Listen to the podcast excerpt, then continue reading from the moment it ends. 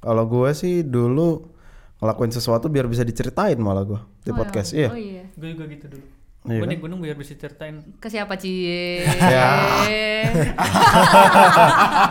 Enggak, kalau gue sih mandangnya gini ya, enggak semua orang bisa ngelakuin hal yang kita lakuin. Hmm. Contoh naik gunung, sepedaan. Makanya gue ceritain ke orang lain. Biasanya ke orang yang menurut lo eh, ini seru tahu kayak gitu. Terus perihal manusia kenapa kerja dan cari hobi menurut gue emang dulu gue zaman kuliah nih. Ada orang yang nanya ke gue, "Dil, gue nggak pernah ikut UKM, gue kuliah balik kosan gitu. Menurut lu masalah nggak?" Gue bilang nggak masalah. Yang penting lu nggak ngerasa apa ya jangan sampai lu ngerasa lu diri lu nggak berguna toh misal dia nggak punya UKM atau nggak punya pekerjaan dia tetap kayak eh, ngobrol sama temannya tetangga tukang makan gitu itu maksud gua kehidupan sosial sih selama lu berguna lu lu seenggak kerja nggak kerjanya lo lu tetap berguna buat orang tua lu menurut gua kayak gitu loh Hal-hal Oke. kecil itu Iya, sederhana iya, itu uh, uh. ya. Kembali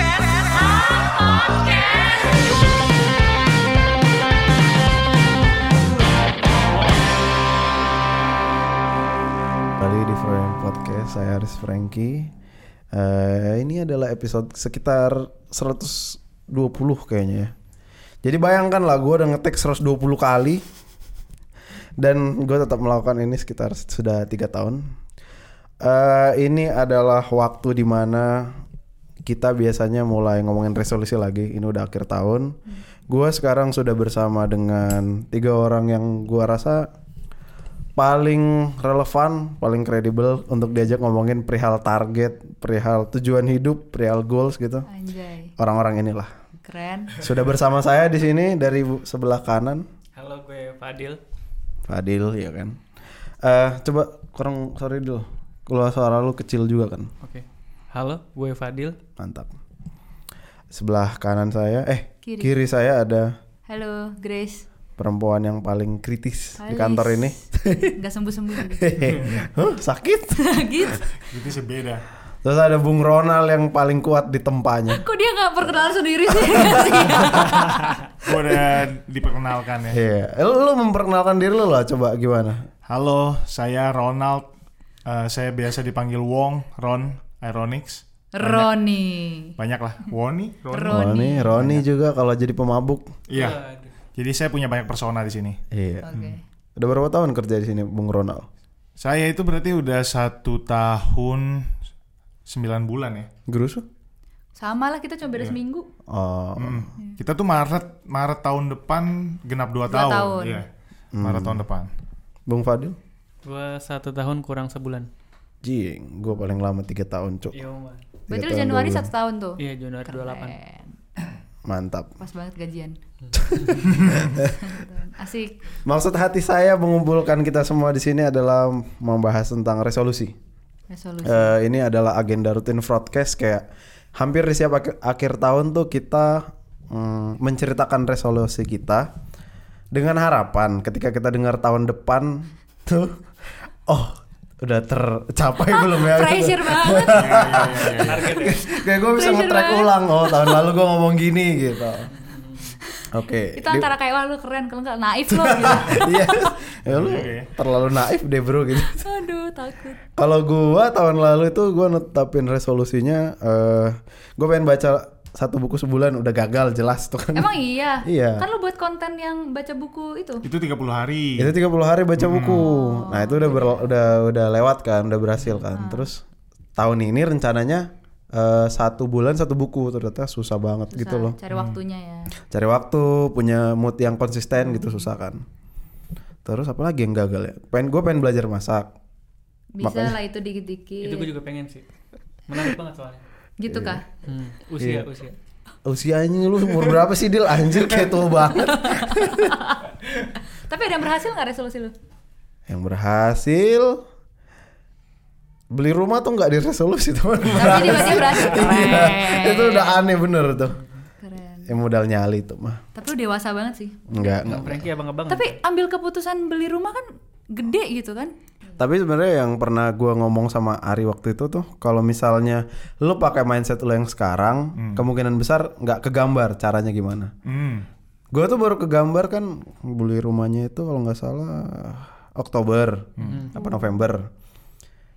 Di bulan Mei itu gua nggak ada gambaran harus ngapain Iya, gitu. Iya, iya, iya. Tapi gue tahu caranya adalah ya memperbanyak masukan, mem- minimalisir pengeluaran kan. Makanya action plan gue adalah, hmm, ya gue ngitung lah. Kalau misalnya gaji gue mencukupi sekian, kalau misalnya gaji gue nyampe sekian, oh ini udah cukup gitu. Nah, berarti kan caranya gimana caranya gaji gue cukup? Ya dengan bekerja sekeras-kerasnya yang gue tahu kayak gitu kan, tradisionalnya kan setelah gue bekerja sekeras-kerasnya dengan harapan eh, kantor akan mengapresiasi lu dalam bentuk uang gitu. Ya. Ternyata dapat gitu loh. Itu juga di luar prediksi gue. Tapi kan cara yang paling terukur adalah itu. Ya, ya. Masuklah ke topik bahasan kita yang mana tadi adalah sempet ke kepantik di awal tuh. Apakah ketika lu mau hmm, apa ya diapresiasi atau punya gaji lebih, apakah lu harus kerja dua tiga kali lebih keras daripada orang lain? Nah itu diskusi menarik. Mana ya Bung Frung garis. ya? Iya. Lu dulu lah Fadil, lu, Lu kan dulu lah. lu kan peng- paling eh, baru di sini. Lu Enggak. duluan. Fadil tuh pengalaman kerjanya jauh lebih Banyak lama daripada loh. kita Iya. loh. Lu kan sebelum di sini udah di Kita kan itu. fresh graduate di sini, Bro. Iya. juga fresh graduate, Lu kan baru lulus eh, aja enggak. Tapi, Iya tapi juga kan ya. lu Gua udah kuliah 7 tahun. lu udah pernah di media kotak kuning itu. Iya. Iya. Ayo dong. Sharing lah. Iya, Ayo dong, maksa banget. Kalau gua eh banyak atau kecil besarnya tanggung jawab lu bukan dari besar kecilnya gaji sih, tapi dari- lebih ke jabatan sih kalau gue. Jabatan. Kalau lu misal jadi junior copywriter tiba-tiba gajinya gede ya nggak masalah. Ya terima aja toh.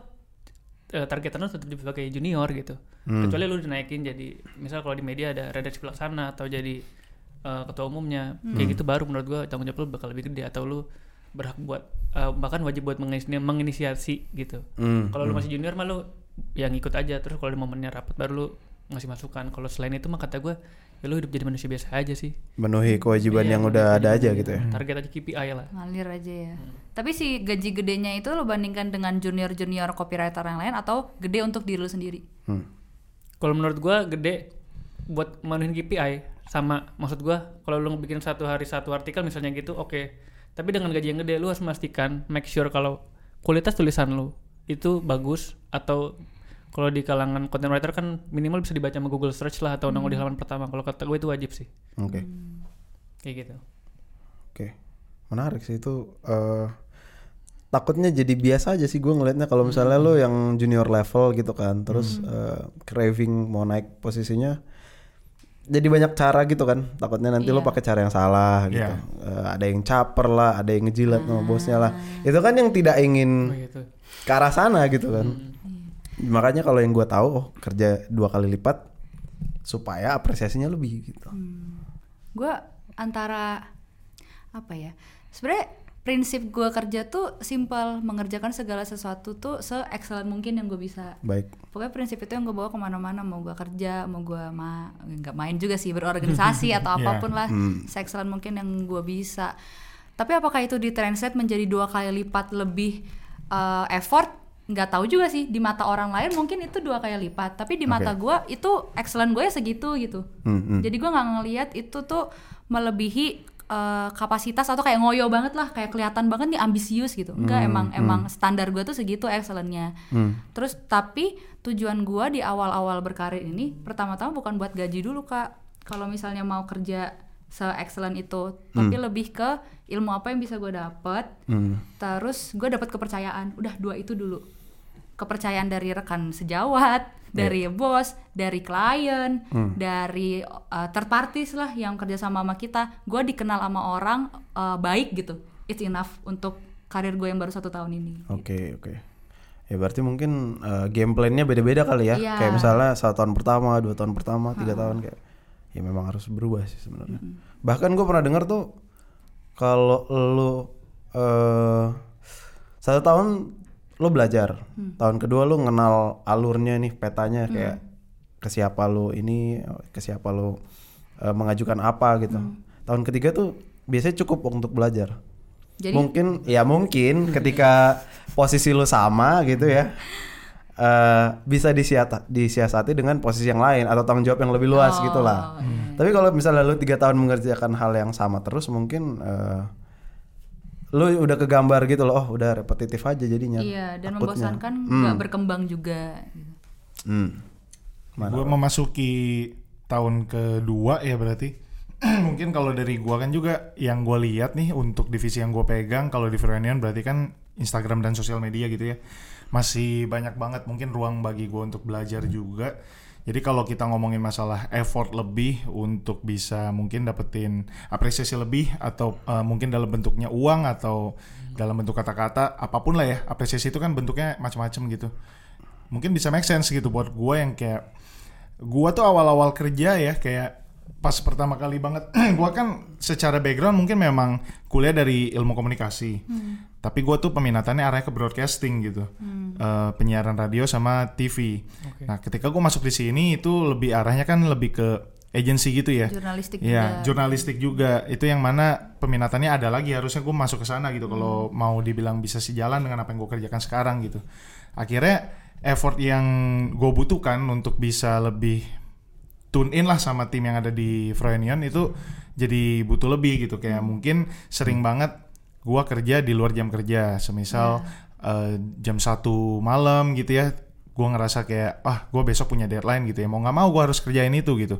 Eh, kalau misalnya itu pada akhirnya turns outnya bisa jadi bentuknya apresiasi itu anggapanlah bonus gitu loh kayak buat gua. Mungkin lebih ke arahnya apakah yang gue lakukan ini effort lebih ini bisa ngedorong gue untuk bisa lebih sustain dengan apa yang gue kerjakan sekarang. Mungkin kayak gitu kali ya.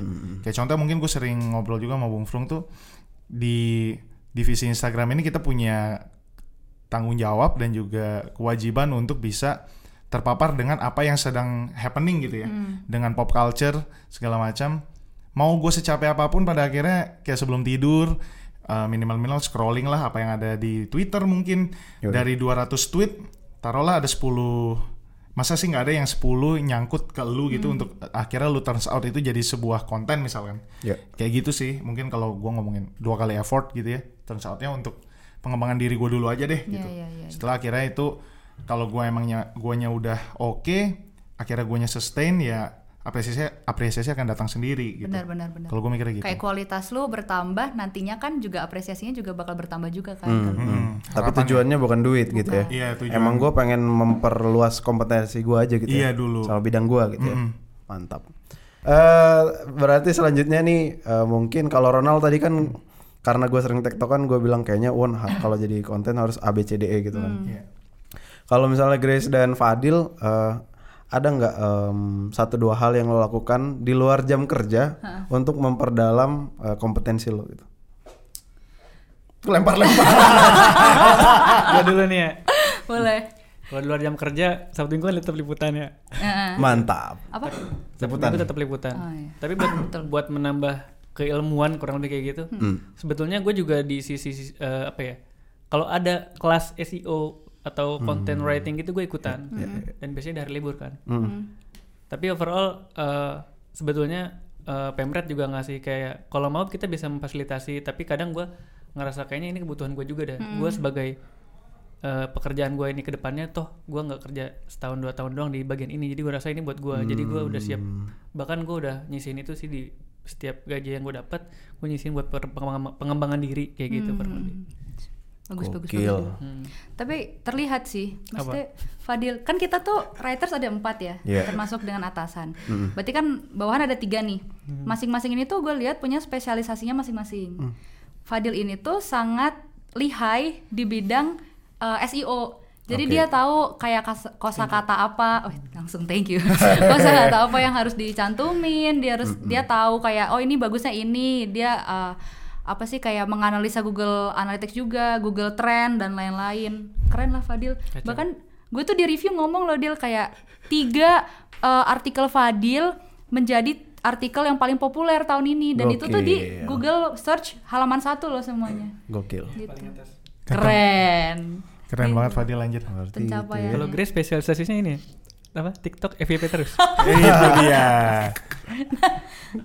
Nggak tahu. Ini ke gua nih. Iya dong. Kalau di luar kerja sama Sabtu Minggu saya masih liputan. Gokil. Kadang gue berpikir kak Sabtu Minggu ini kan uh, waktu gue untuk istirahat sebenarnya, beribadah dan juga melakukan hobi gue. Betul. Tapi somehow ada aja kerjaan yang harus gue kerjakan. Yoi. Uh, tapi ya udah gitu. Kalau emang gue harus berangkat liputan dan yang gue lihat kan itu tadi ya, gimana caranya gue bisa gain trust.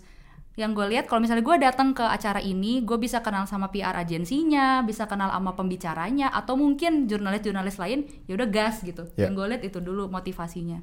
Terus uh, gue juga ikut kayak workshop-workshop dari YouTube gitu untuk uh, mengembangkan cara wawancara orang di lapangan. Sama baca buku paling kak. Hmm. tapi uniknya nggak tahu unik apa nggak gue baca buku tuh dari fiksi.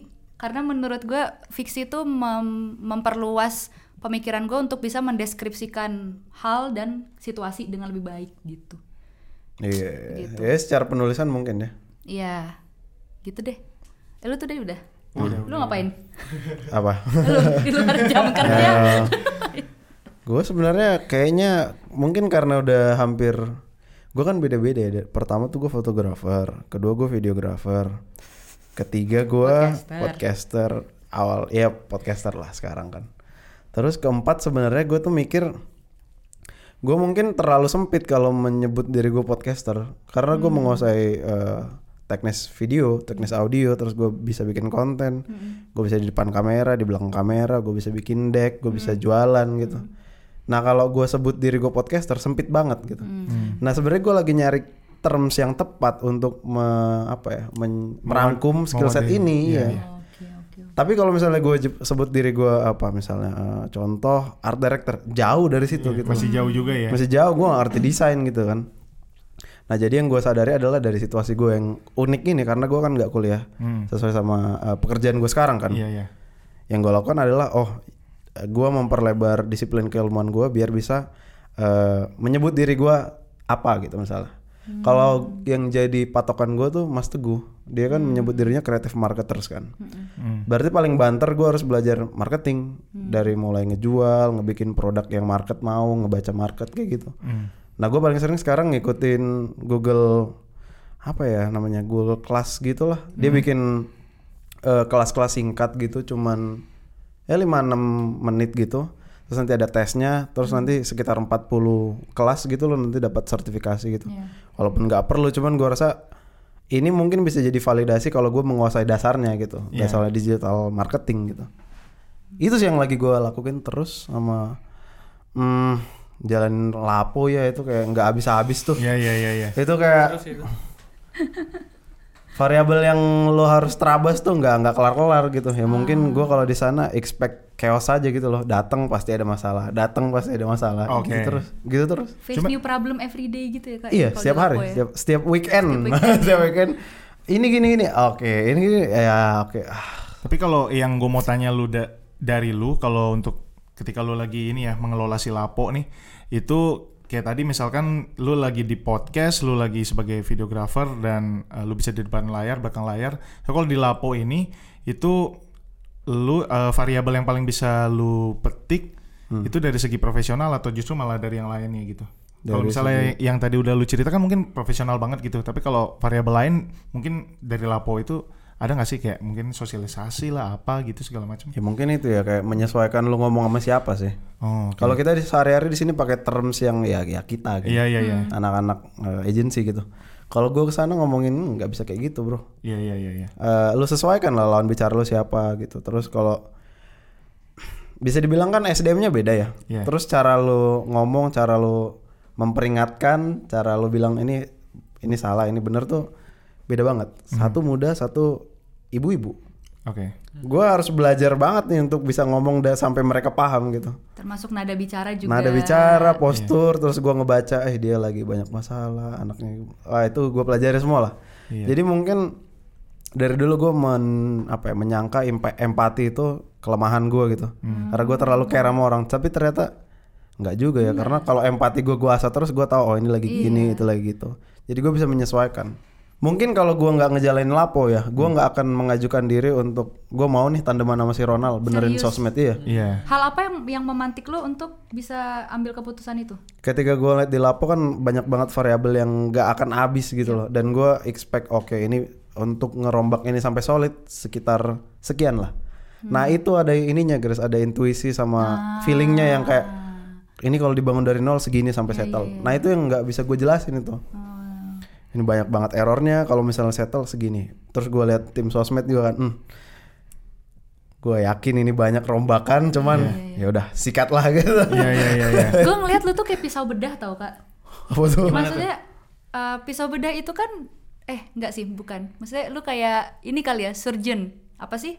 Ahli bedah. Hmm. Ahli bedah. iya Eh, lu punya pisau bedah nih Hmm. intuisi lu tadi empati lu itu tadi kalau nggak lu asah si pisaunya kan nggak bakal bisa motong apa pun gitu Betul, even ya. the tiniest apa sih skin gitu Hmm. tapi kalau lu asah lu akhirnya bisa mem, apa sih membelah berbagai macam problem kan yang lu uh, jalani sekarang lu Iya, tuh kayak udah ternyata. udah udah bisa gitu pakai si pisau bedah lu keren lu kak Anjay. ternyata ya dulu ya ternyata Gua- lu nggak expect kah lu bakal kayak gini ya enggak kan gue pikir gue sempet sempet pengen jadi ini apa tukang ngisi bensin doang di Serius? SPBU ya. Pernah serendah itu gitu loh. Iya iya iya iya. karena karena gue pengen nabung duit buat beli kamera lah gitu gitu oh lah waktu lu masih jadi fotografer? Iya. Nah, ya selalu iya, iya. selalu mental state-nya tuh gue selalu waspada sih selalu sih. Hmm. selalu waspada kalau eh ini hidup anteng banget nih kayaknya. Bakal, bakal ada hujan gede bentar lagi nih biasa oh kayak gitu, gitu. anjay. Was was ya. Was was, selalu waspada gue. Mungkin itu yang gue punya karena gue udah tiga tahun gitu ya. Eh, jadi gue berfokus untuk memperluas disiplin ilmu gue atau memperbanyak gitu lah. Harus ada nggak sih kayak gitu sebenarnya? Kayak kegiatan sampingan yang ya mungkin ada yang nggak punya hobi gitu ya. Iya. Kayak Lisa gitu dia angkat tangan barusan. Banyak dia tuh. menurut gua harus sih kak Untuk apa tuh fungsinya kira-kira? Apa ya manusia itu kan uh, selalu dinamis ya. Manusia makhluk hidup yang dinamis. Kalau Ya. misalnya dia hidup kayak gitu-gitu terus entah dia jadi robot. Kayak Wadil bilang tadi. semi robot gua. Ya semi robot. Atau justru dia jadi nggak bisa ngapa-ngapain lagi nggak bisa ngerasain apa-apa lagi kak. Just apa ya selalu butuh hal-hal baru yang di luar dari apa yang kita kerjain itu untuk lu semakin menjadi manusia. Gua ya gitu nggak tau deh gue mikirnya gitu. Oke, iya, iya, iya, Iya. masuk, masuk. Toh kalaupun waktu gua belum join ke paduan suara pun tanpa gua sadari sebenarnya gue punya kerja eh, bukan kerjaan apa sih kegiatan-kegiatan sampingan. Hmm. Gua kan dulu waktu Froynion masih WFH gue cuma di kosan doang, cuma baca buku doang, main ama kucing, main temen kosan gue yang cuma sama cuman satu itu doang, terus udah gitu cuma di kosan. Ya itulah kegiatan sampingan gua yang jadi hobi gua waktu itu gitu. Iya, iya, iya. Ya mungkin tanpa disadari semua orang punya kegiatan sampingan kali ya. Kayak kalau gua nangkepnya misalkan tadi Bung Frung dia as podcaster mungkin udah menguasai banget selama beberapa tahun ini gitu. Itu kan jadi sesuatu kegiatan yang repetitif buat dia. Sampai akhirnya dia ngerasa kayak gue butuh untuk memperluas disiplin ilmunya tadi.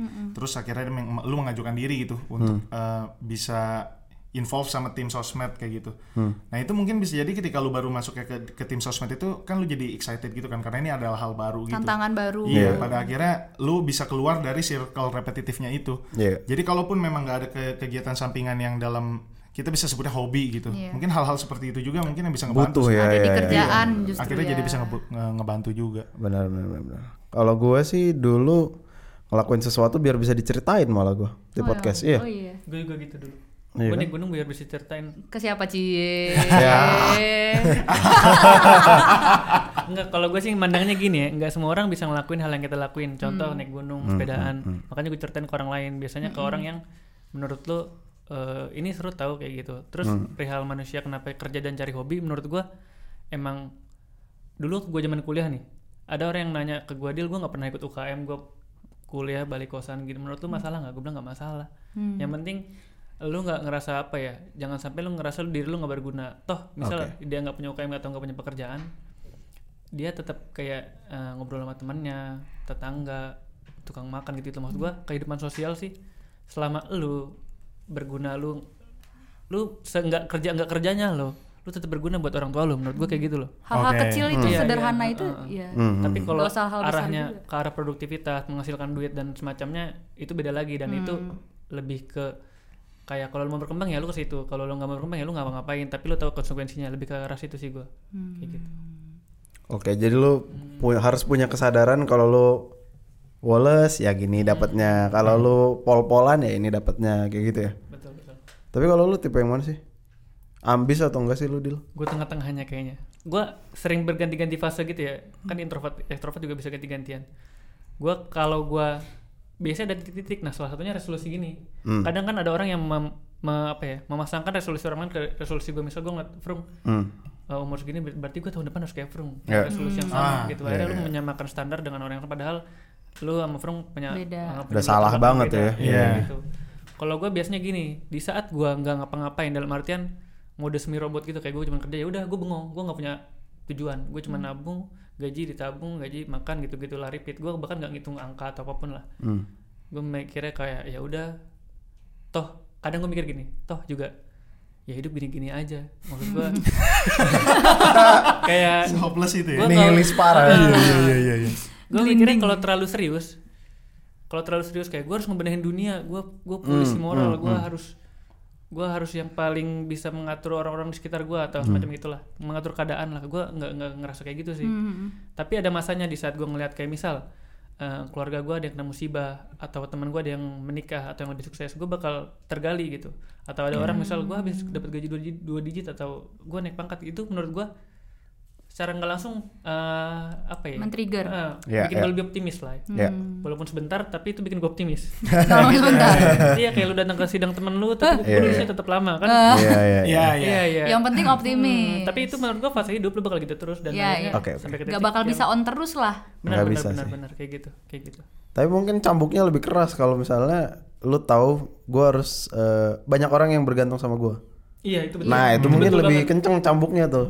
Iya benar benar Jadi yang dinamakan dipaksa sama keadaan. iya, Dewasakan iya, oleh ke- benar, iya, keadaan benar. gitu. benar benar benar kayak ah gue gua males gue capek cuman gue tahu kalau gue gini nanti si Nanti ini si ini gitu ini ada ada ini. pengaruhnya langsung Ya ke orang Allah, lain gitu. iya. Iya sih. ya mungkin itu bisa dibilang berkat sama musibah juga kali ya Blessing in disguise lah. ya blessing in disguise lah gitu kayak gue punya kesempatan ini gue punya peluang ini ya harus gue sambut mau nggak mau siap nggak siap gitu mungkin setelah peluangnya atau setelah peluangnya gue sambut gitu mungkin gue jadi lebih siap gitu ng- ngadepin apa pun gitu Hmm. Tapi gue mau nanya deh soal yang kegiatan sampingan itu. Hmm. Kan ada orang yang mentranslate kegiatan sampingan sebagai hobi kayak gue sama Iya. Ron. Hmm. Tapi ada juga yang mentranslate, mentranslate itu sebagai side hustle. Nah Oke. menurut lu ada nggak sih dampak yang berbeda dari orang memilih jalan A dengan yang jalan B gitu? Dampak negatif ataupun positif gitu kak? Kayaknya kalau side hustle tuh ya, translate-nya bukan perihal senang ya, Hmm. tapi ya duit jelas gitu. Oke. Emang gue butuh penghasilan tambahan, penghasilan tambah gue nggak nggak nggak cukup mungkin gitu. Jadi gue paksa diri gue kerja ekstra eh, untuk apa ya, untuk ya bi- lebih bisa banyak yang ditabung. Harapannya kayak gitu kan. Kalau hobi gue ngelihatnya happy sih, harus happy tuh endingnya tuh. Iya iya betul. Mungkin itu ya untuk menutup podcast ini enggak lah. Cepat sekali enggak, enggak, enggak, enggak. Sebenarnya gue baru masuk ke poin selanjutnya yang kita ngomongin resolusi. Oh. Resolusi kan tadi gue udah buka di awal tuh eh, yang mana sebenarnya gue pribadi menetapkan resolusi. Tapi ada kalanya ketika gue tahu ini udah mau akhir tahun dan resolusi yang gue tetapkan di awal nggak achieve, lumayan merembet ke mana-mana gitu loh. Jadi kan itu kayak janji sama diri lo sendiri kan, yang waktu gue menetapkan tuh mungkin nggak terukur gitu loh. Gue emang pengen, oh gue pengen buktiin aja sama lo lu pada nih kalau gue bisa gitu. itu udah salah banget kan. Iya. Nah mungkin setelah gue gue sempat lihat lagi resolusi gue 2022 tuh Januari gue tetapkan. Sebenarnya ada tiga sih yang ke achieve tuh, cuman semuanya ujungnya pengembangan diri. Oke. Jadi bukan hal-hal yang terukur gitu loh. Oke. Kayak gue punya pengen punya tabungan 100 juta misalnya, itu belum ter- ke achieve gitu kan. Cuman ya se- secara hmm, gue bikin lapo itu banyak pengembangan baru lah gitu ke mental gue dan profesional gue gitu. Eh, jadi mungkin kalau misalnya kita mau netapin target atau resolusi di 2023 nanti, kayak lebih mindful gitu loh, kayak nggak harus banyak, kayak nggak harus lebih di atas siapa gitu. Iya iya iya. Tapi emang oh ini mungkin terukur dan ini mungkin berdampak ke profesional personal gua kayaknya gua set gitu. Oke, eh, lu jangan pada takut ya untuk nyertain resolusi Iya, lo ya iya, karena iya. karena yang gua tahun pun lalu dan tahun ini. yang oke boleh, yang kayak gitu Oh. juga boleh. Oke. Silakan dimulai dari siapa? Lu ada nggak di Sidil? gue lagi mikir lu Oke. Jadi selalu gilirannya terakhir biar lebih sempat Iya. mikir dulu ya. Ronald ada, udah Iya, iya, satu udah ter Yang 12 itu. achieve ya. Nah, gua kalau ngomongin resolusi yang secara spesifik banget ya gua ngomongnya ya gitu, itu cuman ada dua sebenarnya tahun ini. Duanya itu yang pertama dari hobi gua, eh, di musik itu gua punya resolusi pokoknya gimana caranya ketika nanti akhir tahun 2022 gua punya minimal 12 lagu yang udah gua rilis Rilis. Dan itu secara distribusinya itu satu bulan satu single gitu. Dan itu puji Tuhan tercapai ya tahun ini. Dan Mantap. ya karena memang katalog eh, apa targetnya itu ketika gue ngelihat di 2021 gue nggak punya katalog nih. Di katalog musik gue Oh, dikit iya, Iya, gitu. iya, iya. Yang mana gue ngerasa kayak harusnya gue bisa gitu Hmm, eh, punya katalog banyak. Eh, ya pada akhirnya ketika orang mungkin nge-reach out gue dari profile page gue di Instagram atau di TikTok gitu ketika dia mau turns out untuk ngedengerin musik gue ada nih pilihannya lu iya, bisa pilih. Kayak gitu. Itu eh, sesederhana itu doang. Dan itu puji Tuhannya tercapai juga bahkan lebih sebenarnya. Karena di pas lagi kita libur lebaran itu gua ada sesi gitu sama dua teman gua ya si Lil Obelix sama si Grace GB waktu itu gua lima hari straight gitu karena gue sadar banget ya momen ya kayak yang tadi dibilang Bung Frung juga waktu waktu kosong itu tuh kayak sebegitu berharganya gitu. Dan gue sadar gue punya resolusi 12 lagu minimal dalam satu tahun. Itu gue manfaatin banget tuh. Lima hari intens ketemu terus bertiga ketemu terus godok terus apa yang bisa dibikin dibikin apa yang bisa direcord direcord yang bisa ditulis ditulis. Sampai akhirnya jadilah kayak draftnya itu sebenarnya agak banyak ya.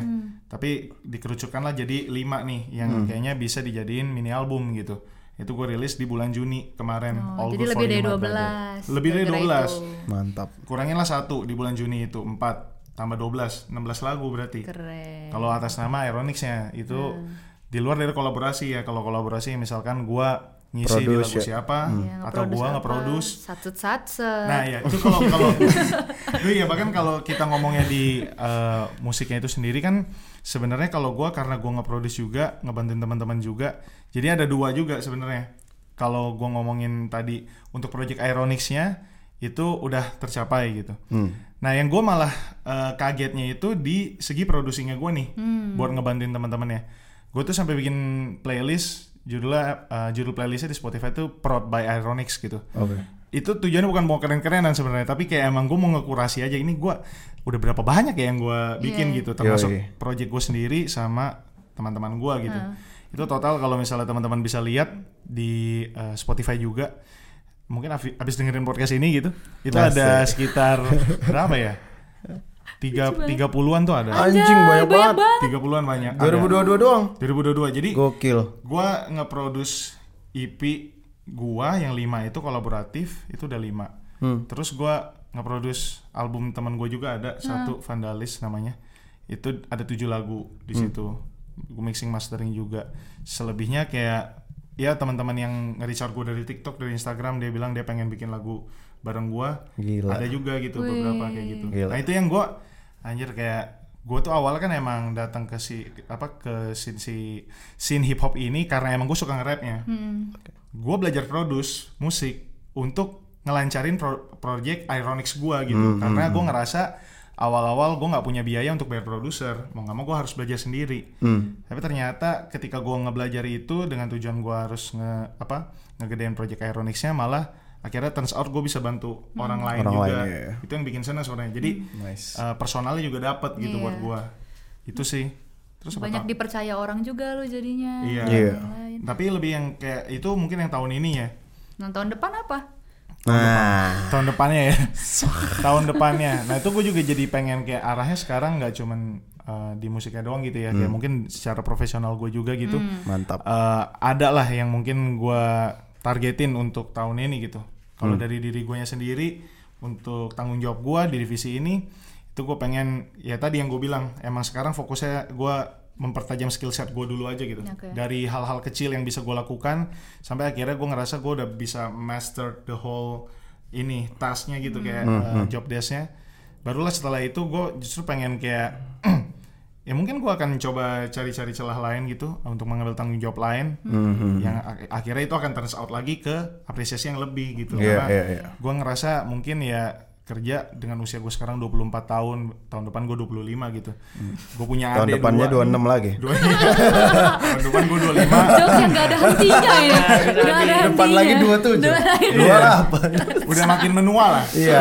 Ah, itu dia Makin- kalimatnya. Iya kalimat yang udah makin menua Terus kayak gue punya pacar, gue udah pacaran 6 tahun. Eh, Tahun lu depan tahun depan tahun. merit ya? Tahun enggak enggak enggak tahun depan. dulu. Tenang. Dua tahun lagi. Ya, bisa dua tahun atau tiga lah. tahun lagi. Aminin Amin, aja. amin. Gitu. Mungkin terus kayak gue punya adik dua, yang satu udah kuliah, satu lagi mau masuk kuliah Iya, gitu. iya, iya, Ais. iya. Ya, jadi mau nggak mau kayak apa yang harus gue lakukan dari start paling awalnya ya itu yang bisa gue lakukan. Iya, iya, iya. Gue coba uh, matengin dulu skill set gue dengan apa yang tanggung jawab yang sekarang gue pegang kayak gitu. Udah, habis itu kalau misalnya musiknya, musiknya paling kayak Album dong. album sih. Album. Pengen. Gokil. Album tuh isinya berapa sih biasanya? 7, album. 12. Kalau gue ngelihatnya dari durasi sih sebenarnya. Oh. Nah, kayak lu bisa bilang album lu 7 lagu secara durasi itu 30 menit itu album menurut gua. Oh. Tapi Jadi 30 menit kuncinya. Iya, 30 Oke. menit. Kalau di under 30 menit itu menurut gua EP jadinya. Oh, EP ya. Mini album. Iya, iya. Lagu Oh, lu iya. 13 tapi 25 menit ya itu mini album gitu buat gua ya. Iya, mungkin gitu album secara konsepnya memang Mateng lah ya. Mateng Ada gitu ya. ya. Hmm. MV lah Won. story iya gua MV lah gue tuh banyak tapi gue nggak ada MV juga gitu. Oh, gue bahkan iya. udah udah udah ngomong gitu ke teman gue kayaknya kalau nggak album minimal satu MV lah. Masih perlu sih MV sih. Yang Iya, well masih produce perlu lah. banget. Iya. Well By Froyonion lah. Ya, Ya, itu 30 kalau ada juta. kesempatan. kalau ada kesempatannya mau ya. Cuman kan kita tak kita sadar gitu di sini lo Iya. teman-teman kayak gimana. Oh, bukan masalah lot. Kalau ada waktu kan Kalau ada waktunya Gampang ya, aja. bisa aja. gas terus aja A, ya. Kalau Mbak Grace gimana Mbak Grace? kan Fadil maunya terakhir kan. Jadi kayak ya bener Ah, terakhir. Fadilo Jaidio. Fadil Jaidi. Bapaknya kaya banget. Punya burung kakak tua lo dia. Anjing. Oke oke. Gua secara profesional dulu kali ya. Sebenarnya Nah. gua eh, lebih tergambar yang secara profesional. Pertama, gue tuh sangat mensyukuri eh, tim writer tuh tahun ini udah banyak banget liputan. Asli. eh gue sangat bersyukur gitu kayak pintu kesempatan tuh terbuka lebar dipercaya sama uh, PR agensi sama banyak orang untuk bisa liputan kenal wawancara datang ke sana kemari. Menurut gue itu sudah langkah yang sangat besar dan Iya, tidak kita tahun expect. lalu, iya. iya Hmm. nggak di expect sama sekali. Kita tuh waktu meeting awal tahun sama Mas Aklis cuma satu uh, ekspektasinya yaitu supaya Froynion dikenal. Udah itu aja. Caranya bagaimana waktu itu kan masih amburadul banget. Iya. kita bilang kayak ada orang sama lu udah ada. Sih udah ada lu sama sama Gary juga kita tuh caranya amburadul kayak yang oh ini kali ya mas datang ke SMA SMA Wow. terus kayak kerjasama sama media kampus sampai kayak gitu-gitu bikin Oh. ngelmu dan lain-lain gitu kan Hmm, akhirnya ada itu yang terrealisasi kayak bikin ngelmu dua kali apa berapa kali sih kita tahun ini Dua dua bener. dua ya Hmm. dua-duanya offline kah gue lupa deh Gue satu offline. Di Satu offline. satu online satu kayaknya. online ya kayaknya. Nah itu, tapi ternyata cukup sulit kan untuk dilanjutkan kayak per bulan, waktu, duit segala macam cukup sulit. Terus eh, ternyata dibuka pintunya tuh lewat cara lain yaitu liputan. Nah eh, udah tuh. Nah untuk tahun depan sih gue pengennya si liputan ini tuh tetap jalan, semakin semakin diberi tanggung jawab as a big media lah, as a Ya. bigger media lah. Soalnya kita tuh sekarang masih ya nggak salah, cuma emang masih small media aja. Sehingga kalau misalnya ada uh, wawancara nih sama sama siapa figur gitu, porsinya untuk kita dan kayak untuk CNN misalnya itu pasti beda. Iya, CNN iya. dapatnya 25 menit, kita dapat 2 menit doang gitu. iya. Karena outputnya kita hanya di sosial media, sedangkan mereka mungkin live langsung di TV Iya, atau iya. gimana. Gue berharap banget itu tahun depan kita bisa kayak gitulah entah nanti gimana gue ngerti sih Iya, iya, iya. terus gue juga berharapnya tahun depan tuh tim writer bisa liputan yang bener-bener investigasi dari hati gitu. Hmm. di mana kita kan punya hashtag yang lokal mesti dikenal.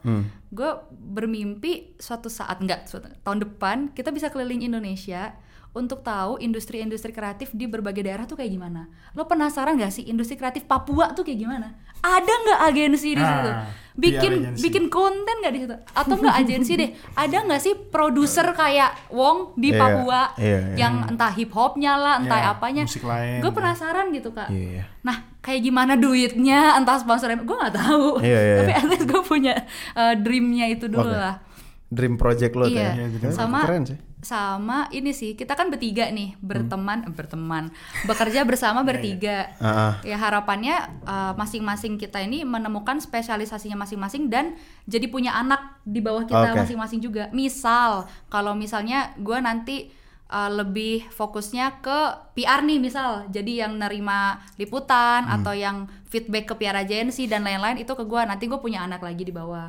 Misal kalau TikTok sama Gary ya udah nanti anak-anaknya ada Gary. Misal kalau SEO writer atau apa sama Fadil nanti Fadil punya anak-anak lagi. Jadi kan lebih gede lagi tuh Iya, timnya. iya, pasti iya. masalahnya lebih banyak tapi lebih seru juga. Itu. Sama kalau gaji sih pasti naik ya gue Ya, udah tahu banget ya. Pasti santai Iya. aja Nah. kalau itu.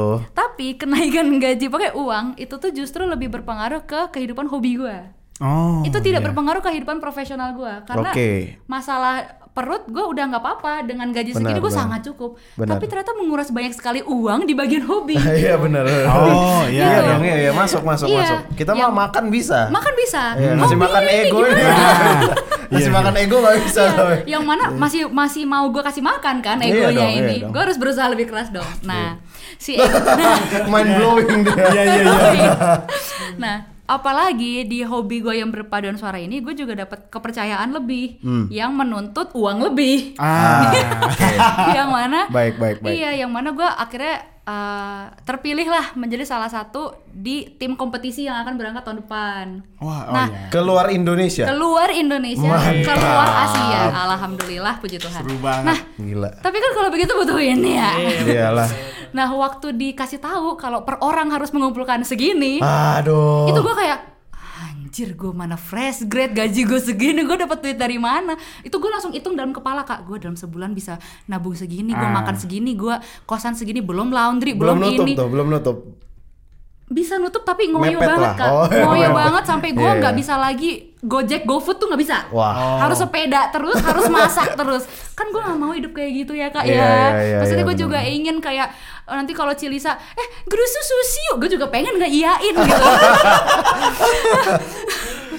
gue masih pengen itu makanya Iya, gue iya, berharapnya Iya, kenaikan gaji uh, semoga sesuai dengan apa yang sudah saya kerjakan. Terus semoga juga dapat freelance lebih banyak. Hmm, karena amin, amin. karena gue tuh jus- jujur gue nggak terlalu punya banyak pengalaman dalam freelance. Hmm, Selalu linknya iya. tuh dikasih dari orang-orang terdekat dulu lah. Iya. Tapi gue nggak belum tahu caranya membuka jalan gue sendiri untuk bisa freelance gitu. Nah itu yang harus PR gue tuh di situ.